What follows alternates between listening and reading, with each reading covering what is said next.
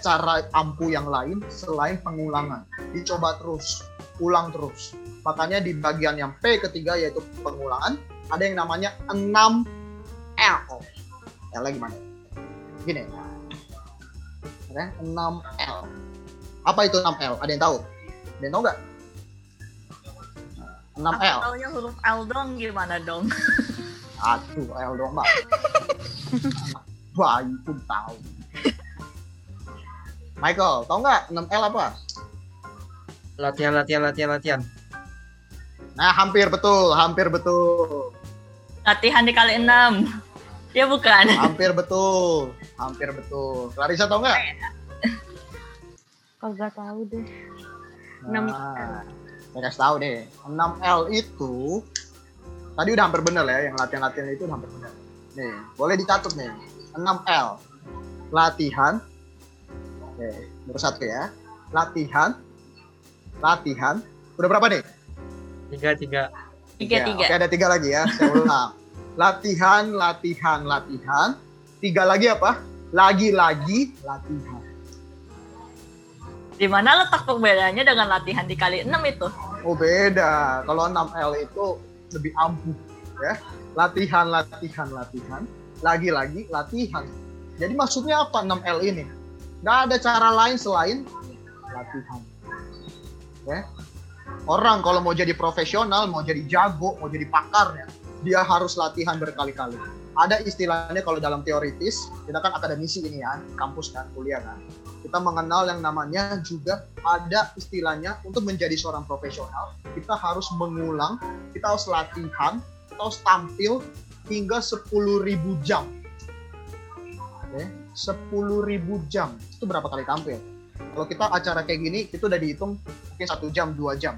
Nah, ini harus sampai 10.000 jam, baru Anda bisa dicap sebagai seorang profesional atau orang yang udah menguasai bidang Nah, itu pun belum tentu menjamin, itu kan baru teoritis. Itu pun belum tentu menjamin. Nah, jadi dengan pengulangan, dengan latihan-latihan tersebut, diulang-ulang terus, percaya deh. Misalnya saya kasih analogi. Michael membahas tentang materi A. Kalau diulang berkali-kali, apakah bakal semakin bagus atau semakin jelek? Makin bagus pastinya. Semakin bagus. Aneh kalau semakin jelek kan? Ah. Kan? Awal, ya kayak tadi saya bilang, step 1, step 2, step 3, anak tangga kan?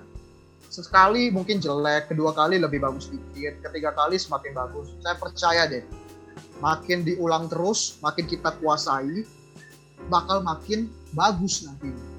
Nah, jadi pasti akan beda. Kalau Michael cuma latihan sekali, Wesiana latihan 100 kali.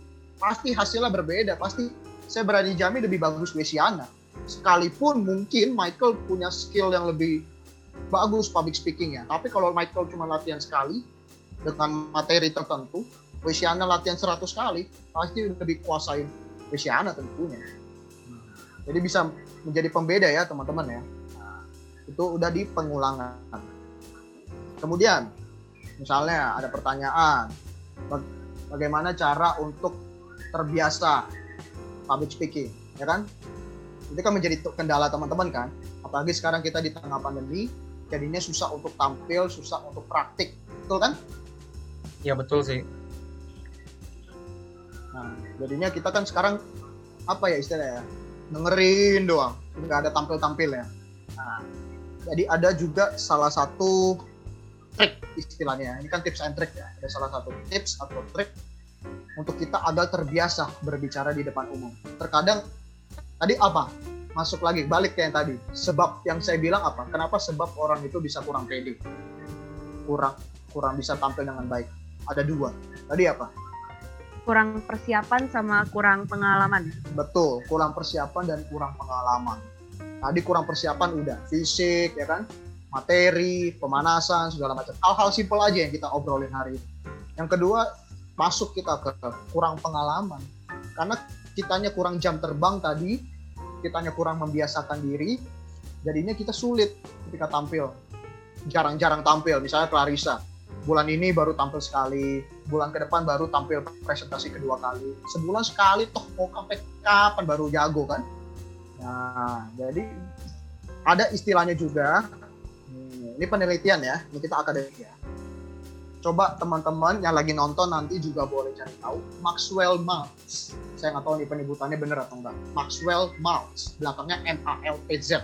Oke. Nah, boleh dicari. Beliau adalah salah seorang ahli bedah, ahli bedah operasi plastik di Amerika Serikat, di USA. Nah, hubungannya public speaking sama operasi plastik itu apa? Nah, pasti bingung kan? Nah, saya jelasin di sini kita akademik sedikit ya, kita akademisi sedikit ya, teoritis sedikit. Nah, ini kan tentang ini kan komret ya, kita berhubungan sama perkuliahan kan. Jadi kita Boleh, boleh, boleh. teoritis sedikit lah. Maxwell Maltz ini salah satu ahli bedah operasi plastik di USA, Amerika Serikat. Kemudian di profesinya itu dia melakukan istilahnya ya udah pasti bedah bedah muka kan, operasi wajah, operasi hidung, operasi dagu dan lain-lainnya. Nah, dalam dunia operasi ternyata juga mengenai contoh. Maaf ya ini file ini misalnya contoh. Maaf saya operasi kan di ahli bedah jadi mancung. Butuh waktu gak untuk Michael membiasakan butuh waktu dong kan?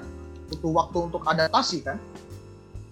Nah misalnya contoh Isyana punya pacar ya kan misalnya pacarannya sama Michael Michael pacar barunya butuh waktu gak buat adaptasi ya kan pacar baru nih butuh waktu kan misalnya kita pindah ke rumah baru butuh waktu gak buat adaptasi Bener-bener. Soalnya suasananya juga beda gitu lah. butuh waktu kan Ada feel yang beda. Bener-bener. pas pasiennya pasien pasiennya Maxwell Maltz ini butuh waktu untuk membiasakan diri dengan bagian fisik barunya. Ada pasien yang operasi hidung, jadi hidungnya pesek jadi mancung, dia butuh waktu untuk membiasakan diri menerima hidung barunya. Nah, durasinya berapa lama sih? Ya kan? Durasinya berapa lama untuk menerima hidung barunya? Nah, durasinya kalau dari penelitian adalah membutuhkan waktu kurang lebih 21 hari agar dia terbiasa dengan hidung barunya. Sama dengan orang lainnya, pasien lainnya ada yang operasi bibir, operasi pipi, segala macam butuh waktu kurang lebih 21 hari minimal minimal ya, 21 hari minimal untuk membiasakan dengan bagian wajah barunya. Nah, saya hubungkan dengan public speaking sekarang. Kita untuk mau istilahnya terbiasa, oke, dengan penampilan kita di depan publik, kita itu harus istilahnya melakukannya, mengulanginya minimal sampai 21 kali sampai terbiasa. Nah, jadi analoginya seperti itu, saya hubungannya seperti itu. Michael misalnya mau terbiasa dengan suatu materi atau terbiasa dengan tampil di depan publik, minimal harus tampil dulu 21 kali diulang-ulang. Mau salah mau apa hajar terus ulang-ulang. Nah, dan tiap orang beda-beda. Itu minimal loh. Ada yang sampai 100, 200 dan lain Nah, jadi berbeda-beda. Begitu. Kemudian masuk ke P yang terakhir sebelum kita ngobrol lagi. P yang terakhir adalah proses. Oke, P yang terakhir adalah proses. Itu sebenarnya gini teman-teman. Saya kasih analogi terakhir. Suka makan Indomie? Suka, suka. The best. Nah, ini, hey Indomie, Anda tidak sponsor di acara ini ya. Anda hanya menjadi contoh karena Anda adalah makanan favorit sejuta umat. Nah, Kalau saya mau kasih contohnya sih. Indomie. saya kasih contoh Indomie ya. Indomie itu mie apa? Mie instan. Mie instan. Instan. Instan, oke. Pertanyaannya adalah balik ke teman-teman. Apakah Indomie seinstan itu? Um, Enggak. Kenapa enggak? Karena kan butuh butuh masak, butuh masak mie, terus butuh Tuh, buka bungkus Indomie yang berlibet-libet gitu. tuh. Terus Apalagi nanti kalau misalnya ada bumbunya yang hilang, eh. Aduh. Nah, itu itu komplain itu terus komplain ya. Saya pernah saya pernah nonton di TikTok ada yang komplain kayak gitu, bumbunya nggak ada minyaknya. Dia tag ke Indomie official, eh tiba-tiba besok-besoknya dihubungin sama Indomie, eh dikirimin lima kardus.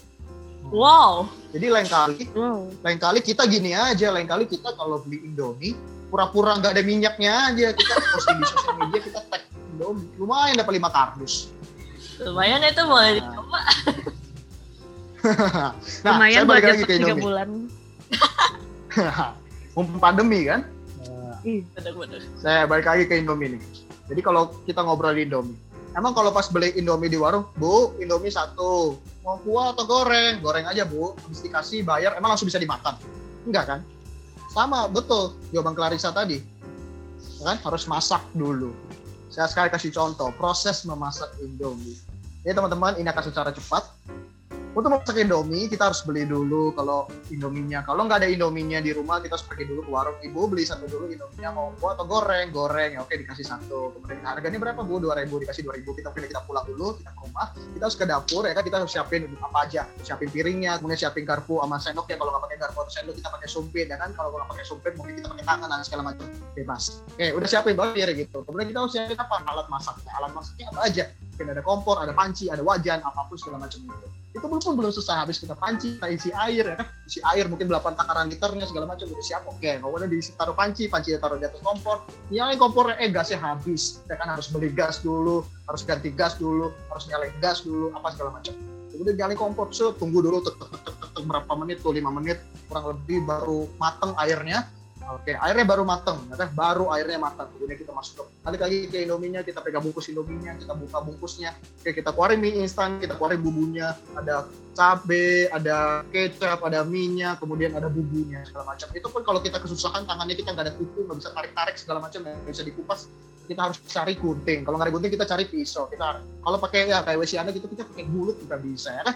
Kemudian kita pakai anggap istilah kita pakai gunting. Kita pakai gunting kita potong set, kita keluarin kecapnya, keluarin minyaknya, keluarin sambalnya, keluarin buka bumbunya, taruh di atas piring. Kita aduk-aduk-aduk, kemudian masih belum selesai karena minyak belum dimasukin ke air mendidihnya oke air kita masukin minyak segala macam tunggu lagi 5 menit oke udah matang kita tiris kita angkat kita taruh minyak di atas piring kemudian diaduk-aduk kocok-kocok terus oke akhirnya jadi mie gorengnya. Kalau mie gorengnya itu baru minyak. Kalau kita masih mau nambah telur gimana? Oke kita ambil telur kita tok tok tok kita pecahkan kita taruh telurnya taruh di atas wajan kita penggorengan ditaruh lagi minyaknya ditaruh lagi matang aduk-aduk segala macam. Oke kemudian ditiris diangkat ditaruh minyak. Itu kalau mau cuma mie sama telur dadar. Kalau mau tambah lagi apa? Bisa tambah cabai rawit ambil lagi cabai ambil lagi nampan kemudian ambil lagi pisau tok tok tok tok tok, dipotong lagi cabenya potongan cabai jadi taruh di atas minyak itu baru kalau mau tambah cabai. Kalau masih mau tambah tomat sama tambah timun ambil lagi tok tok tok tok, tok, potong lagi segala macamnya nah begitu. Itu Wah. Ini itu setelah loh itu loh yang dibilang instan. Nah, Aduh, setelah ini kayaknya aku bakal mikir kayaknya mie Indomie bukan mie instan deh. Kalau misalnya instan kan Nah. berarti langsung jadi kan ya? katanya mie instan tapi prosesnya sepanjang itu loh. Ya kan? Prosesnya ternyata sepanjang itu. Sama. Nah kita sekarang masuk. Analogi hubungan analogi ini sama public speaking apa? Sama. Kalau kamu siapa pun anda mau menjadi seorang public speaker. Sama. Semuanya ada prosesnya. Gak ada public speaker instan. Ya kan? Gak ada public speaker instan semua public speaker melewati prosesnya prosesnya berbeda-beda. Setiap orang ada yang cepat, ada yang pun lambat. Tapi percaya, niscaya mau cepat ataupun lambat pasti akan berhasil kalau kita konsisten, kalau kita enjoy the process. Nah, jadi santai aja teman-teman. Misalnya Michael, Clarissa, Wesiana, tam atau teman-teman yang lagi nonton tampil di depan publik, jangan depan publik deh, ngomong di depan keluarga aja kadang masih malu-malu, darah daging sendiri padahal, tapi masih malu-malu, apalagi ngomong di depan orang asing. Setuju? Setuju. Setuju. Setuju. Rasa canggungnya. Canggung segala macem sama orang sendiri aja kita malu, apalagi sama orang asing. Ya kan? Kadang sama teman-teman kita yang udah kita kenal belasan tahun pun masih malu-malu. Nah, yang membedakan kita ya itu mau enjoy the process atau enggak. Ada orang yang prosesnya cepat, ada orang yang prosesnya lambat. Tapi apakah hasilnya sama? Saya berani menjamin hasilnya akan tetap sama. Kita bakal tetap bisa menjadi public speaker yang baik dan benar. Nah, kalau ditanya, saya harus menjadi seperti siapa? Michael, idola public speaker-nya ada gak? Eh, ada Siapa? Raditya Dika. Raditya Dika, oke mantap. Larissa ada gak? Eh, ada si Siapa? Panji Praj apa sih namanya Panji Pragiwaksono. Waksono. Nah, Itu. oke. Luciana ada gak? Ada mama saya Ah. sendiri. Mama sendiri. Oke boleh, nggak masalah. Terus kalian bakal karena mengidolakan mereka, kalian pengen jadi seperti mereka kan? Jago ngomong seperti mereka kan? Betul? Nah, Benar-benar. Sama nasibnya juga pengen kayak mereka sih. nah, pengen nasibnya juga kayak mereka kan? Heeh. Sekarang ikuti kata saya. Dengerin ya. Kalian boleh mengidolakan seseorang, tapi kalian gak boleh berusaha menjadi karakter seperti dia. Paham nggak? Misalnya Michael mengidolakan Raditya Dika, pengen hidupnya seperti Raditya Dika, suksesnya, cara ngomongnya semua seperti Raditya Dika. Apakah akan bisa? Mungkin bisa, tapi apakah akan persis? No, tidak akan persis. Ya kan? Bisa aja Michael lebih sukses daripada Raditya Dika. Amin, ya kan? Nah, jadi Clarissa mengidolakan Panji Pragiwaksono. Bisa aja Clarissa lebih sukses daripada Panji. Amin, siapa tahu. Amin kan? amin. Tapi mulai dari sekarang teman-teman kita boleh mengidolakan seseorang. Saya dulu mengidolakan motivator nomor satu di Indonesia, Andre Wongso, kan? Sekarang masih mengidolakan nggak? Masih dong, tentunya. Saya juga idola. Tapi apakah saya berusaha menjadi seperti beliau? Dulu iya, saya berusaha banget. Cara ngomongnya, cara berpakaiannya, semuanya. Saya berusaha ingin menjadi seperti beliau. Saya ingin mengikuti jejak-jejaknya. Tapi cara ngomong saya pun saya jadinya powerful. Beliau kan powerful, Andrew Wongso kan motivator kan. Saya berusaha energik, powerful banget. Akhirnya saya nggak bisa, saya nggak sesuai. Saya nggak nyaman mengikuti beliau. Cara ngomongnya segala macamnya. Nah, akhirnya ternyata saya dapat solusinya. Satu-satunya solusi adalah kita menjadi versi terbaik diri sendiri. Percaya deh teman-teman. Michael misalnya, saya kasih contoh. Michael karena mengidolakan Raditya Dika, ketika dia presentasi berbicara di depan umum, dia pengen berusaha pakai gayanya Raditya Dika, cara bercanda, cara ngomongnya Raditya Dika. Kalau ada kes- kesalahan segala macam, itu kan jadi balik beban diri sendiri, betul kan? Kok gua nggak bisa ya jadi persis kayak Raditya Dika ya? Kok gua nggak sebagus dia ya? Kok gua jelek ya segala macam ya? Contohnya seperti itu. Itu ka- kalau kita berusaha pengen jadi orang lain, itu akan jadi bumerang untuk diri kita sendiri. Jadi beban, ya kan? Mendingan kita ubah mindsetnya. Kita boleh mengidolakan seseorang, tapi kita tetap harus stay in karakter, ya kan? Tetap jadi karakter diri sendiri, tetap jadi versi terbaik diri sendiri. Michael jadi tetap jadi diri sendiri aja versi Michael yang terbaik. Clarissa jadi versi Clarissa sendiri yang terbaik. Wesiana jadi versi Wesiana yang terbaik. Karena esensi dari public speaking itu apa? Kenyamanan.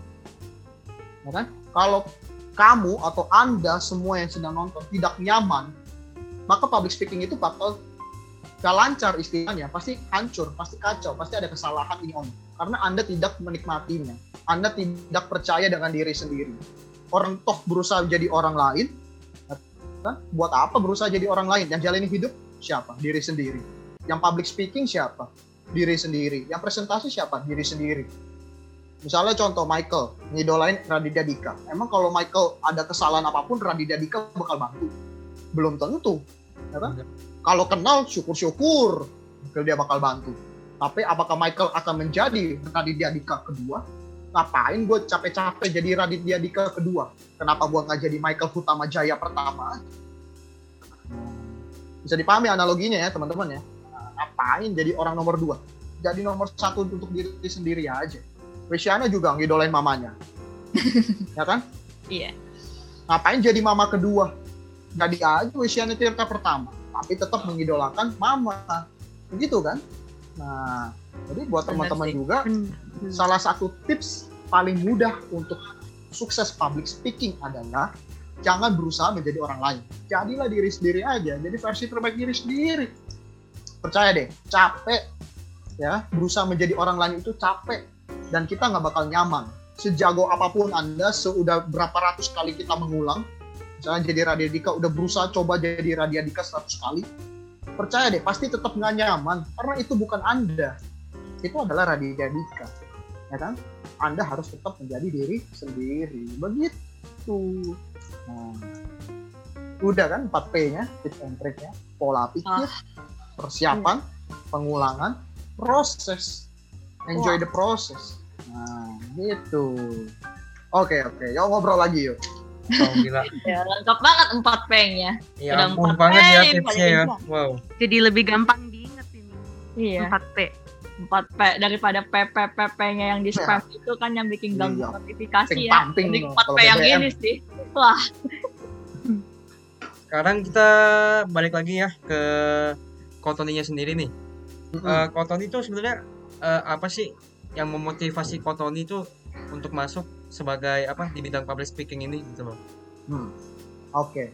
Kalau misalnya awal mulanya adalah sejak kelas 1 SD, bahkan mungkin sebelum itu pun saya sudah masih TK pun sudah seperti itu. Ya kayak contohnya yang Michael bilang tadi, anak kecil kok bisa sih nggak ada malu, kok bisa sih berani banget belak-belakan, ya kan di depan umum pun pede-pede aja. Ya saya dulu juga seperti itu. Nah, cuman saya keterusan, saya nggak berhenti, ya kan? Saya keterusan over PD-nya. Jadi kelas 1 ikut-ikut apa tampil segala macam. Ya kalau kasarnya kita bilang secara umum banci tampil kan. Suka banget tampil, dikit-dikit maunya tampil. Pokoknya nggak tahu ya. Saya nggak tahu teman-teman atau orang lain perasaannya gimana. Kalau saya pribadi, ketika saya di depan umum, ya kan? Saya di depan umum dilihatin banyak orang, guru, teman-teman sendiri, saya bangga. Saya merasa terapresiasi, saya merasa wow, saya saya dipuji udah kayak artis saya gitu kan. Saya suka saya suka nuansa seperti itu. Nah, saya nggak tahu nih kenapa kalau tapi kalau mau ditanya, kalau masih ada malunya nggak, masih ada groginya nggak, masih ada. Cuman PD saya itu lebih dari malunya gitu, over PD jadinya. Nah, saya saya keterusan, saya suka yang hal-hal yang tampil. Dari SD kelas 1 sampai SMA kelas 3, saya selalu menjadi ketua kelas. Ya kan? Saya tampil terus, terus sempat jadi ketua OSIS. Sempat ikut klub teater juga ya kan? Jadi klub ketua klub teater ikut juga klub debat jadi ketua klub debat juga. Nah, kemudian kayak kemarin tahun lalu ikut komret jadi ketua komret juga. Saya suka tampil saya suka berorganisasi saya suka ketemu banyak orang saya suka bersosialisasi. Nah kalau saya pribadi seperti itu mungkin keterusan dari kecil.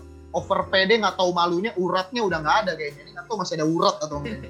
Kayaknya urat malunya udah, udah pergi lanjut terus aja hajar terus keterusan jadinya lama-lama menjadi profesi.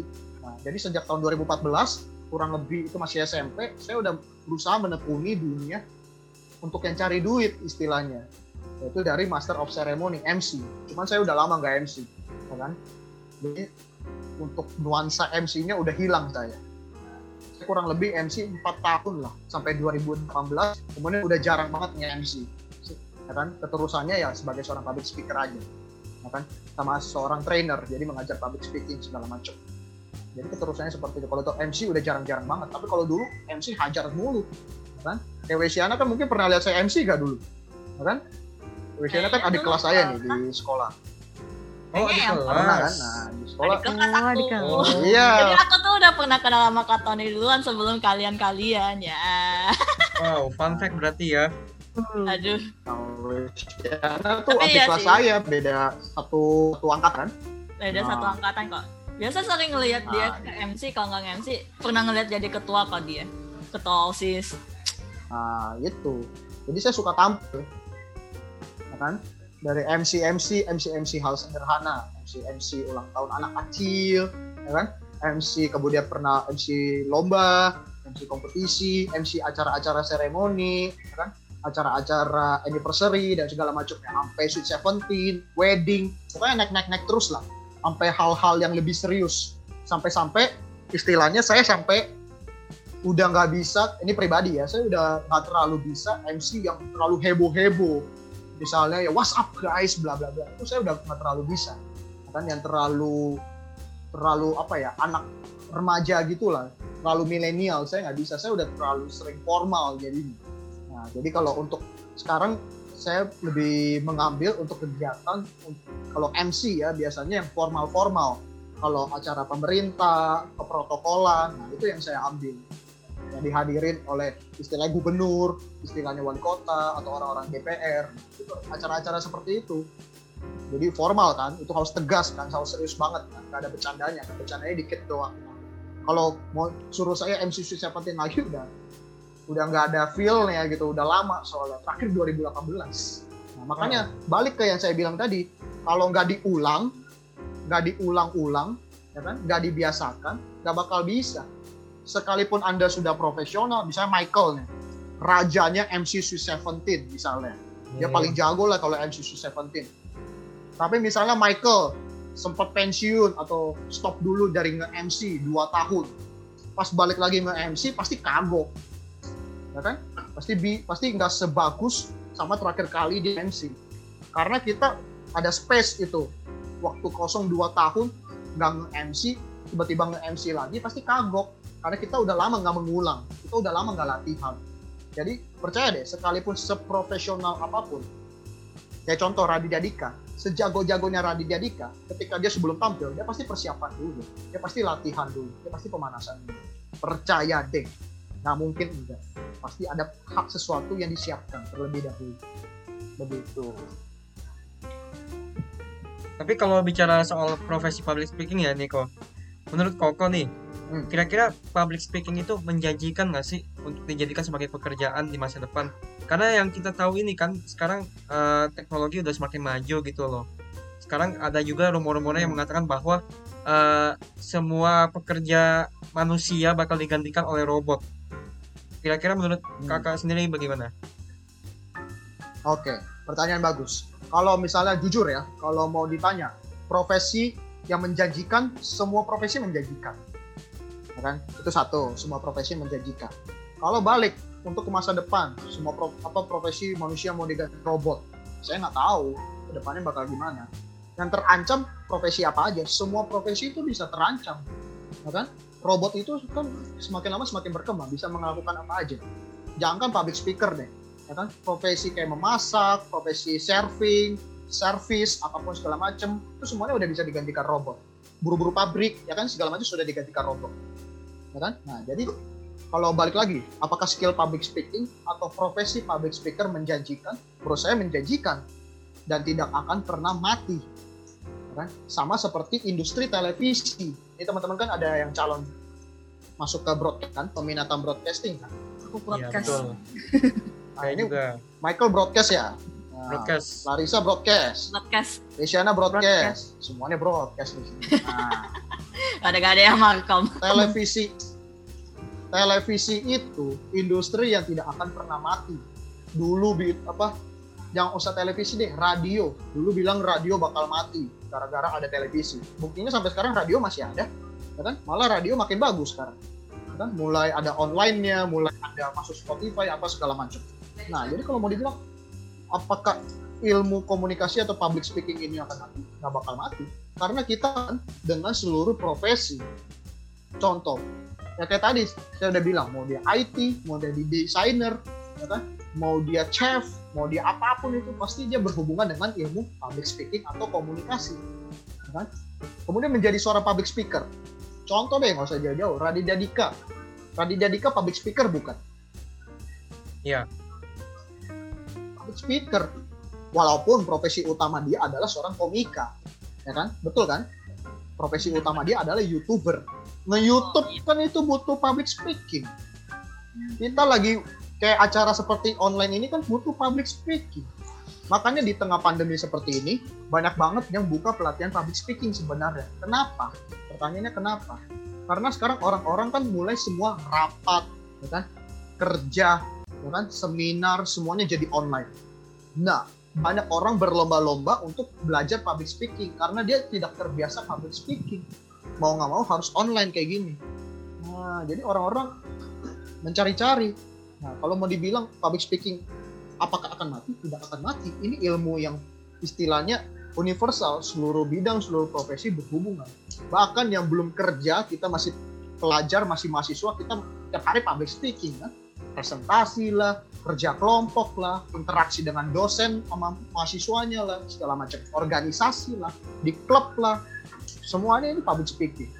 Nah, Iya, emang jadi kalau mau dibilang apakah berhubungan, berhubungan terus. Apakah akan mati? Nggak akan mati deh menurut saya. Ya kan? Kecuali udah- ketika Udah masuk ke Nah. culture ya kurang lebih ya. iya, kayak udah kayak istilahnya kebutuhan primer lah.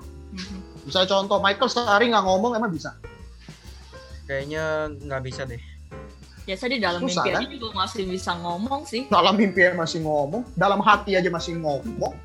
Iya. Misalnya, misalnya Wesiana benci sama Clarissa. Misalnya Wesiana benci sama Clarissa. Ah, dalam hati nih, aduh, ini orang kok bawel banget sih. Itu aja komunikasi itu kan. Ngomong sama diri sendiri kan. Intrapersonal. Nah, betul, ngomong sama diri sendiri itu udah termasuk komunikasi kan teman-teman udah pelajarin kan di ilkom kan di ilmu komunikasi kan. Nah, Ah, udah. jangan kan ngomong sama diri sendiri, kita berdoa aja komunikasi. Ya kan? Bener-bener. Ya Ah, betul betul. Jadi apa pun yang kita lakuin tuh semuanya komunikasi. Jadi tenang aja nggak bakal mati lah istilahnya. Ini skill yang universal yang akan menempel terus di seluruh profesi, bahkan bukan profesi, menempel di seluruh kegiatan kita sehari-hari. Nah mungkin lah, saya, saya aja ngebayangin kalau sehari nggak ngomong sama siapa pun, nggak ngomong untuk diri sendiri, itu jago banget. Nggak ngomong dalam hati, nggak ngomong dalam pikiran, ah, jago banget, nggak mungkin. Kadang kalau sambil nonton video aja aku masih bisa ngomong loh. Ngomong Iya. nyempa-nyempa dalam hati kadang. Nah, misalnya kemarin nonton apa tuh yang drama Korea yang bikin kesel apa tuh? Tuh yang- Clarissa tuh. Apa tuh? Apa tuh? Apa tuh? Startup. Startup mah nggak bikin kesel. Yang bikin kesel apa tuh Clarissa? Yang pelakor pelakor apa tuh? Oh itu tuh yang The World of Merit ya kalau nggak World of ya. Merit, iya. Saya Aduh. belum nonton, saya baru nonton di lihat-lihat dikit lah cuplikannya. Katanya itu bikin emosi kan. Nah, nonton aja udah komunikasi kita. kan? Jadi tenang aja lah, nggak bakal mati lah, kan? Nah, kemudian nih teman-teman, buat yang nonton juga, bagaimana untuk PD public speaking. Kalau misalnya kita nggak percaya diri gimana? Ini kan pertanyaan cuma sejuta umat kan. Kalau nggak PD gimana? Selain trik-trik itulah, udah tips tadi itu singkirkan dulu lah jauh-jauh tips-tips yang tadi saya ngomongin. Kalau dari diri kita sendiri nggak percaya diri gimana? Tenang aja teman-teman. Kalau anda tidak percaya dengan diri anda, masih ada teman-teman anda yang akan percaya dengan anda. Itu satu. Itu satu ya. Kalau anda nggak percaya dengan diri anda, masih ada teman-teman yang akan percaya dengan anda. Itu satu. Kemudian kedua, kalau teman-teman nggak percaya dengan diri Anda, masih ada diri Anda sendiri yang bisa percaya. Betul kan? Kebalikannya ya. Kedua. Kemudian yang ketiga, kalau tidak ada teman-teman yang percaya dengan diri Anda, kan, diri Anda sendiri pun tidak percaya dengan diri Anda sendiri. Ya kan? Teman-teman nggak percaya sama Anda. Anda pun nggak percaya sama diri Anda sendiri. Solusinya apa? Tenanglah, masih ada Tuhan yang percaya sama Anda ya kan? Dan Tuhan apa pun agamanya, ya kan? ini tanpa agama tertentu ya, apa pun agamanya pasti akan 100% percaya sama Anda dalam situasi apa. Jadi kaget. Oh, lu nggak percaya diri, lu, masih ada teman yang percaya sama lu, satu. Kedua, oh lu nggak percaya sama diri lu sendiri. Eh, nggak salah salah, ini salah. Kita ulang tadi ya. Yang pertama, ini susah nih ini. Yang pertama, oh lu nggak percaya, lu nggak percaya diri. Tenang, masih ada teman yang percaya sama lu. Kedua oh teman-teman nggak percaya sama lu. Oh ya udah masih ada diri lu sendiri yang bisa percaya sama diri lu. Ketiga oh teman-teman nggak percaya sama lu. Oh lu juga nggak percaya sama diri lu sendiri. Tenang masih ada Tuhan yang percaya sama lu. Kemudian ada keempat nggak ada keempat. Karena apa? Dengan solusi Tuhan percaya sama lu udah pasti ya kan? Nggak bisa dibantah lagi karena Tuhan tidak akan tidak percaya sama anda. Pasti percaya sama anda bahwa percaya apa kalau percaya pasti anda bisa Nah, makanya nggak istilahnya untuk teman-teman semuanya yang baru belajar public speaking, yang sudah terjun langsung ke dalam dunia public speaking, tenang aja. Nggak ada alasan untuk Anda tidak bisa public speaking. Tidak ada alasan. Semuanya pasti bisa. Tapi kapan? Nah, waktunya kapan? Berbeda-beda. Setiap individu balik ke masing-masing. Mau latihan, mau coba, jam terbangnya kan beda-beda pengalamannya berbeda-beda, persiapannya berbeda-beda, situasinya berbeda-beda. Awal-awal saya webinar online seperti ini, ketika bulan Maret kan itu awalnya muncul pandemi kan di Indonesia kan, kan di yang di kota Depok kan awal mulanya. Iya benar. Semua kegiatan offline di cancel, semua jadi online. Mau nggak mau kan saya harus terbiasa. Awalnya saya kagok tuh. Online seperti ini awalnya saya kagok. Teman-teman juga pasti kagok kan awalnya. Karena belum terbiasa. Sama Biasanya saya. online paling video call berdua, bertiga paling. Tiba-tiba harus video call, istilahnya kan kayak video call kan. Tapi banyak orang gitu. Awal-awal saya juga kagok. Aduh gimana sih? Saya mau lihat Ya kan terus mata capek aduh karena liatin kamera lihat kan mendingan gua nonton drakor kan mendingan gua nonton anime kan mendingan gua nonton film kan. Jadi tenang aja manusia itu apalagi kita anak-anak ilkom tenang aja lah. Semua balik lagi ke pembiasaan kan? Semua balik lagi ke pengalaman semua balik lagi ke persiapan. Jadi tenang aja nggak ada alasan agar kita tidak bisa public speaking. Pasti akan bisa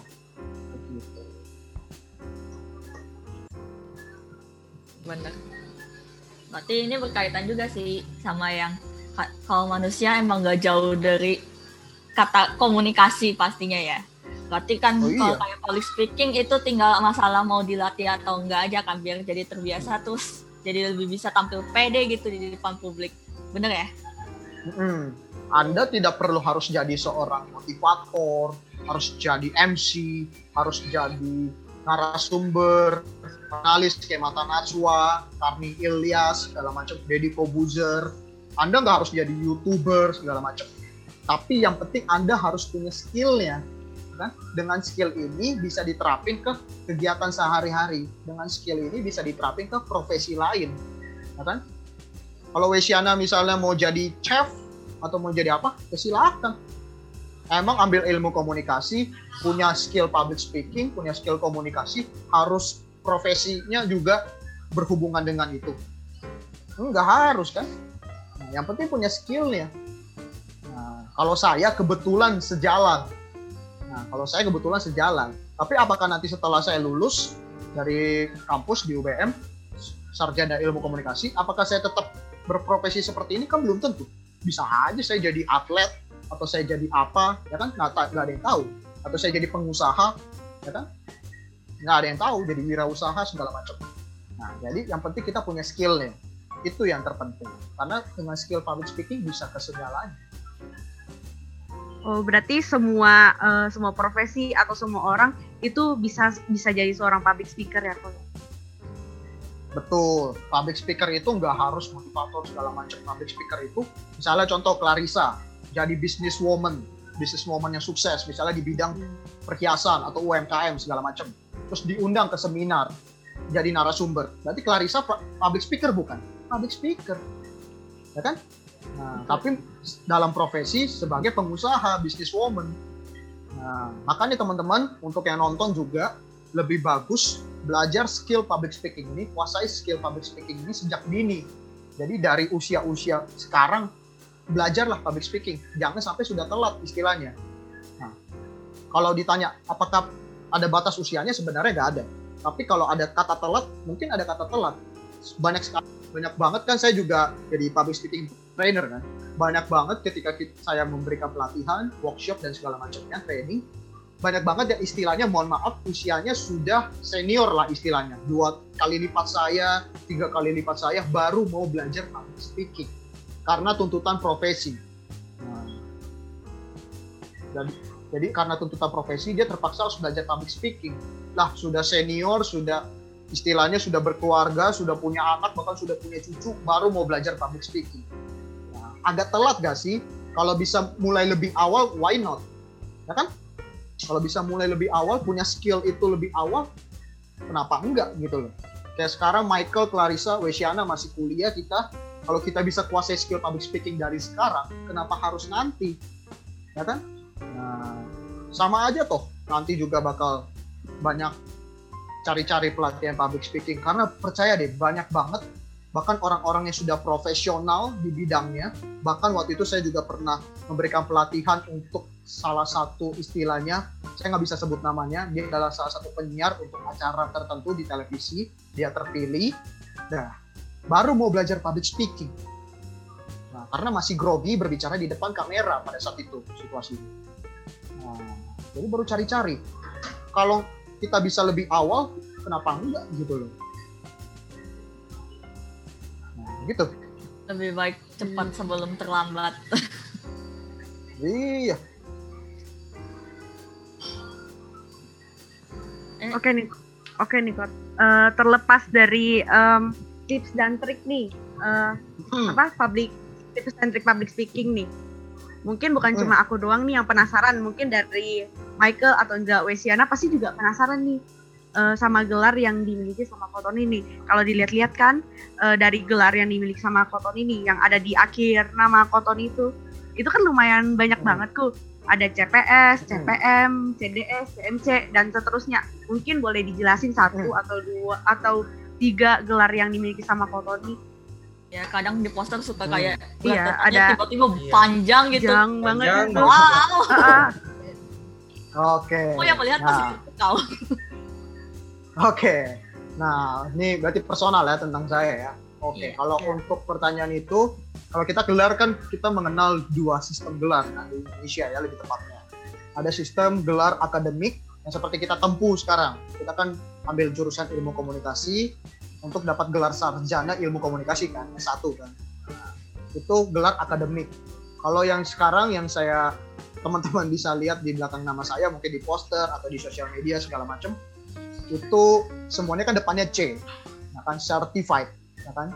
Certified ini certified itu dan segala macamnya itu saya ambil sebagai atau kita bisa sebut itu adalah gelar non akademik jadi kalau yang sarjana sarjana itu akademik kalau yang certified certified itu non akademik resmi gak sama-sama resmi semuanya. Cuman kalau yang sarjana kita kan ambil menempuh pendidikan tinggi tiga setengah tahun sampai empat tahun kan? Kalau yang certified ini tergantung tergantung penyelenggara resminya itu membuatnya seperti apa. Ada yang dalam durasi satu minggu ada yang durasi satu bulan pelatihannya dan segala macam berbeda-beda. Dan untuk sertif ini certified kan bahasa Indonesianya sertifikasi certification kan? Nah, dalam sertifikasi ini di sini yang saya ambil jadi teman-teman di sini kita bukan belajar. Nah kalau misalnya contoh Clarissa mau ambil CPS lah contoh salah satunya. Certified public speaker. Dan di situ ketika Clarissa berani mengambil CPS Clarissa bukan belajar. Clarissa di situ diuji. Layak gak sebagai certified public speaker? Jadi kalau teman-teman nah ini untuk yang nonton biar bisa membedakan ya mengambil sertifikasi itu bukan latihan. Mengambil sertifikasi itu bukan untuk coba-coba. Sertifikasi itu sudah seperti ujian. Nah analoginya pas ya sudah seperti ujian. Jadi ketika kita ujian kita diuji. Layak atau enggak? Kalau istilahnya KKM ya misalnya 75 kalau saya lewat dari 75 saya baru lulus istilahnya. Saya baru berhak menyandang gelar CPS kalau teman-teman di sini niatnya cuma latihan mau coba-coba mending jangan ambil sertifikasi sayang uangnya. Karena bisa gagal bisa lulus. Mending ambil dulu pelatihan-pelatihan yang umum baru ketika merasa sudah siap baru ambil sertifikasi. Nah ketika lulus nanti bisa mencantumkan gelar non akademiknya di belakang. Nama nah kemudian kalau untuk beberapa contoh kayak tadi kalau CPS itu Certified Public Speaker saya ambil di IPSA asosiasi asosiasi nasional yang sudah diakui di HAKI hak asasi kekayaan intelektual nah, jadi itu IPSA itu kepanjangan dari Indonesian Professional Speakers Association. Nah, jadi itu asosiasi yang resmi diakui pemerintah, terdaftar di kementerian, berhak menyelenggarakan istilahnya adalah sertifikat. Nah, salah satunya yaitu Certified Public Speaker CPS. Kemudian ada juga CPM, Certified Professional Motivator. Itu saya ambil dari asosiasi asosiasi HLC, Habibie Learning Center. Itu resmi juga terdaftar di kementerian juga. Nah, saya ambil dari sana pengujian waktu itu kurang lebih dua hari kalau nggak salah dua sampai tiga hari. Kemudian diuji terus menerus dari secara teoritis, dari secara praktik tentunya juga. Ketika sudah diuji oleh para asesor, kita menyebutnya asesor, jadi dewan penguji. Nah, ketika mereka sudah metotalkan nilainya, ketika saya lulus dari standar rata-rata, baru boleh dianggap lulus dan menyandang gelarnya. Kemudian ada juga Certified Digital Speaker (CDS). Nah, ber, jadi berbeda-beda tuh setiap sertifikasi itu berbeda-beda. Ada CDS (Certified Digital Speaker), jadi public speaking tetapi online. Nah, jadi saya sebelum mengisi webinar-webinar yang sudah saya isi-isi sebelumnya dalam satu tahun ini. Kan baru tahun ini kan baru hype webinar kan seminar online kan. Nah saya mengambil dulu sertifikasi certified digital speaker biar saya membuktikan bahwa saya layak untuk berbicara di forum online seperti ini. Ketika saya berbicara di depan umum saya juga sudah layak karena saya sudah mengambil certified public speaker. Ketika saya memberikan sesi motivasi saya pun sudah layak karena saya seorang certified professional motivator CPM. Nah, jadi sertifikasi ini untuk kelayakan diri. Nah, jadi orang-orang yang mengerti nanti dia melihat oh dia sudah ada gelar non akademik ini loh. Nah, dia sudah ada CPS, dia sudah CPM segala macam. Berarti dia layak untuk mengisi di sini karena dia sudah lewat dari standar rata-rata. Begitu. Dan masih banyak sertifikasi lain-lainnya kebetulan yang saya ambil semuanya berhubungan dengan ranah public speaking dan juga ilmu komunikasi. Saya juga ada ambil hidroterapi, saya juga ada ambil yang MC juga ada, saya juga ada ambil yang kemarin yang terakhir saya ambil content writing, ya kan, content writer. Saya belajar copywriting, saya belajar content writer, saya belajar membuat blog dan segala macamnya itu ada semua. Sebenarnya bukan belajar, saya diuji di sana. Kemudian saya juga ada mengambil terakhir di sosial media saya ada posting saya mengambil certified digi digital marketing. Nah, digital marketing practitioner. Ya, itu kita diuji apakah sudah memahami mengenai digital marketing seperti apa dari search engine, Google dan segala macamnya. Nah, itu kalau untuk nasional. Saya juga ada yang ambil yang internasional kebetulan. Nah, mungkin teman-teman di sini kalau mau coba ambil bisa karena nggak ada syarat umurnya. Yang penting bisa lulus tes dan kita uji langsungnya. Nah saya ada ambilan dari Google. Nah teman-teman boleh cari tuh boleh cari tahu. Dari Google itu ada kasih sertifikasi. Dan itu gratis. Yang penting teman-teman bisa lulus.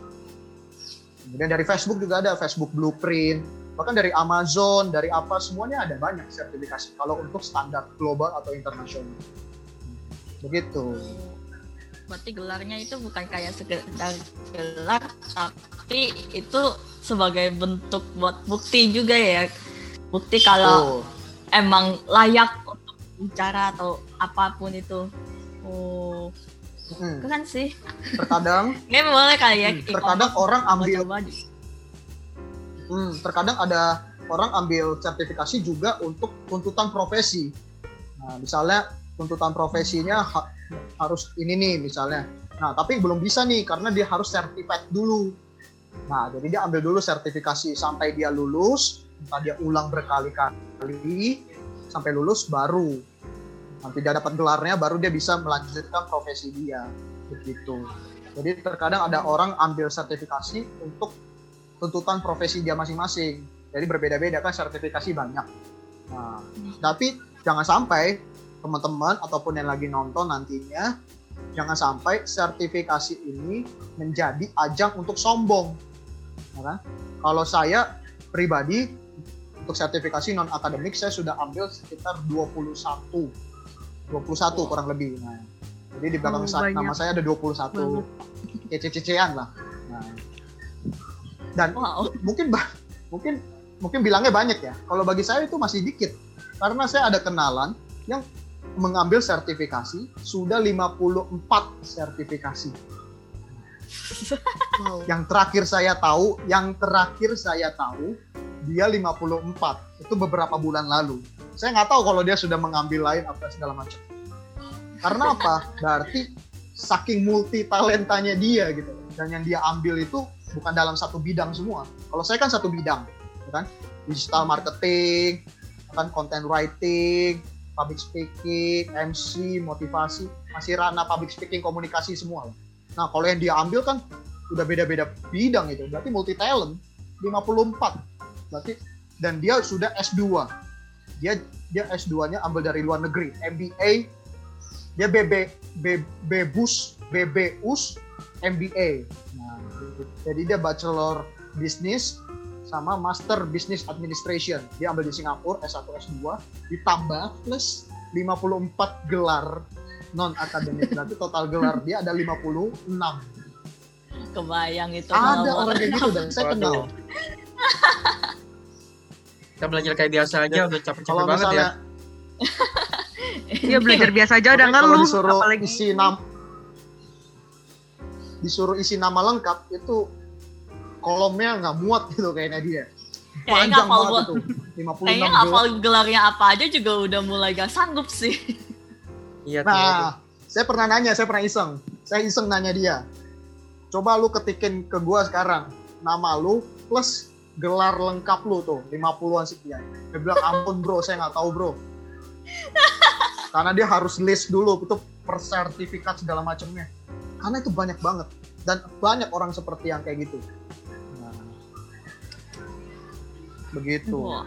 Jadi nanti teman-teman Wesiana, Michael, Clarissa, misalnya nanti mungkin nanti ke depannya ataupun mau ambil pas sudah lulus boleh itu sertifikasi itu membantu profesi apa pun ya sertifikasi dalam profesi apa pun ya, itu membantu untuk menunjang kita nanti ke depannya berarti kita sudah layak kita sudah certified gitu.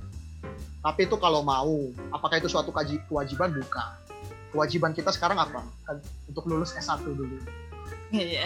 banget Iya. dulu aja kita di kuliah. Tuh.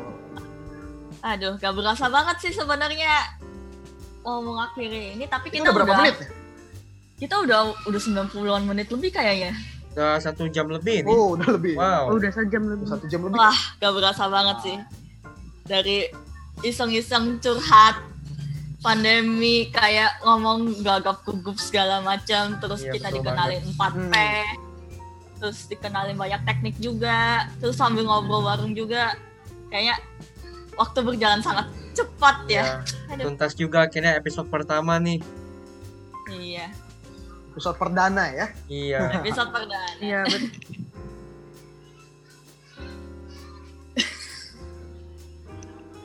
oke jadi Oke. Eh, sekian untuk episode pertama dari Comcast.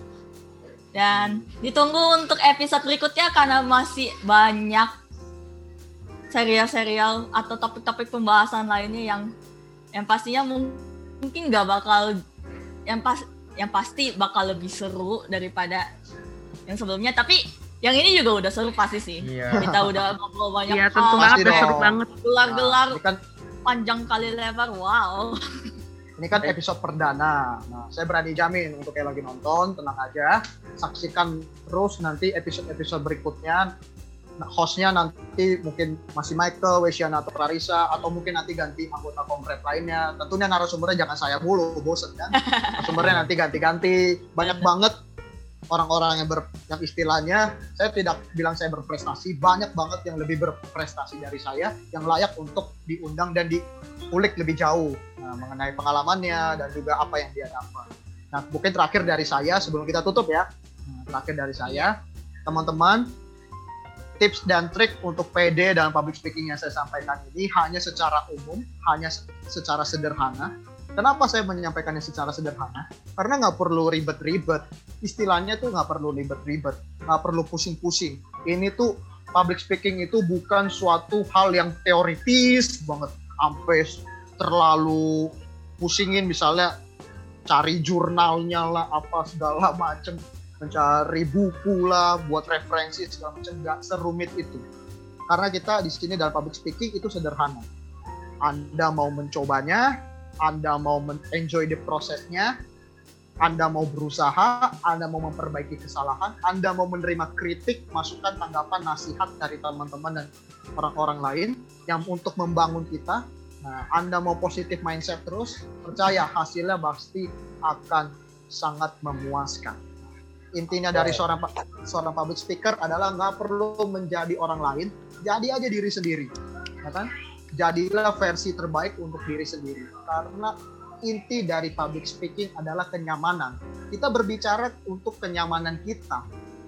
Masa berbicara karena ketakutan, masa berbicara karena keterpaksaan nggak ada kita berbicara karena kita berbicara untuk kenyamanan kita kayak saya sekarang saya berbicara saya nyaman oke kita enjoy kan karena Michael Clarissa Wesiana kita kayak ngobrol aja kayak lagi nongkrong karena public speaking esensinya adalah kenyamanan bukan keterpaksaan ya teman-teman aja teman-teman enjoy the process satu langkah demi langkah demi langkah hasilnya ujungnya kita nggak akan tahu karena kita akan improve dan berkembang terus. Apakah saya sudah mencapai ujung perjalanan saya? Nggak mau, saya nggak mau sampai ujung. Bahkan ketika saya sudah senior pun nanti sudah berusia dewasa atau sudah istilahnya usia 40-an, 50-an segala macam dipanggil profesional pun saya nggak mau sampai ujung. Saya mau tetap improve terus belajar terus, ya kan? Karena terakhir kalimatnya adalah hiduplah berdasarkan prinsip bukan berdasarkan arsip agar hidup menjadi lebih sip. Nah, begitu. Thank you Comcast, thank you Comrade. Thank you Luar biasa. Thank you juga kok. Thank you kok. Ini Oh, thank waktu you. juga. tips and triknya ini berguna banget sih buat kita kita Dan tentunya hanya- sangat bermanfaat sih. Iya betul nggak banget. mungkin eh, tips ini nggak hanya untuk para e-commerce nggak hanya untuk e-commerce tapi untuk mungkin mahasiswa-mahasiswi dari jurusan lain yang mau berkarya di bidang public speaking atau yang seenggaknya minimal mau tampil lebih percaya diri lagi pas presentasi di depan kelas itu Betul minimalnya sih banget. bagus Kalau- banget Kalau gitu langsung aja kita tutupin. Saya Michael Utama Jaya beserta kedua teman saya. Wesiana Saya dan Clarissa Clarissa. Kalim. Dan saya Wesiana Tirta dan sampai berjumpa lagi di episode Comcast Communication episode Comcast Podcast.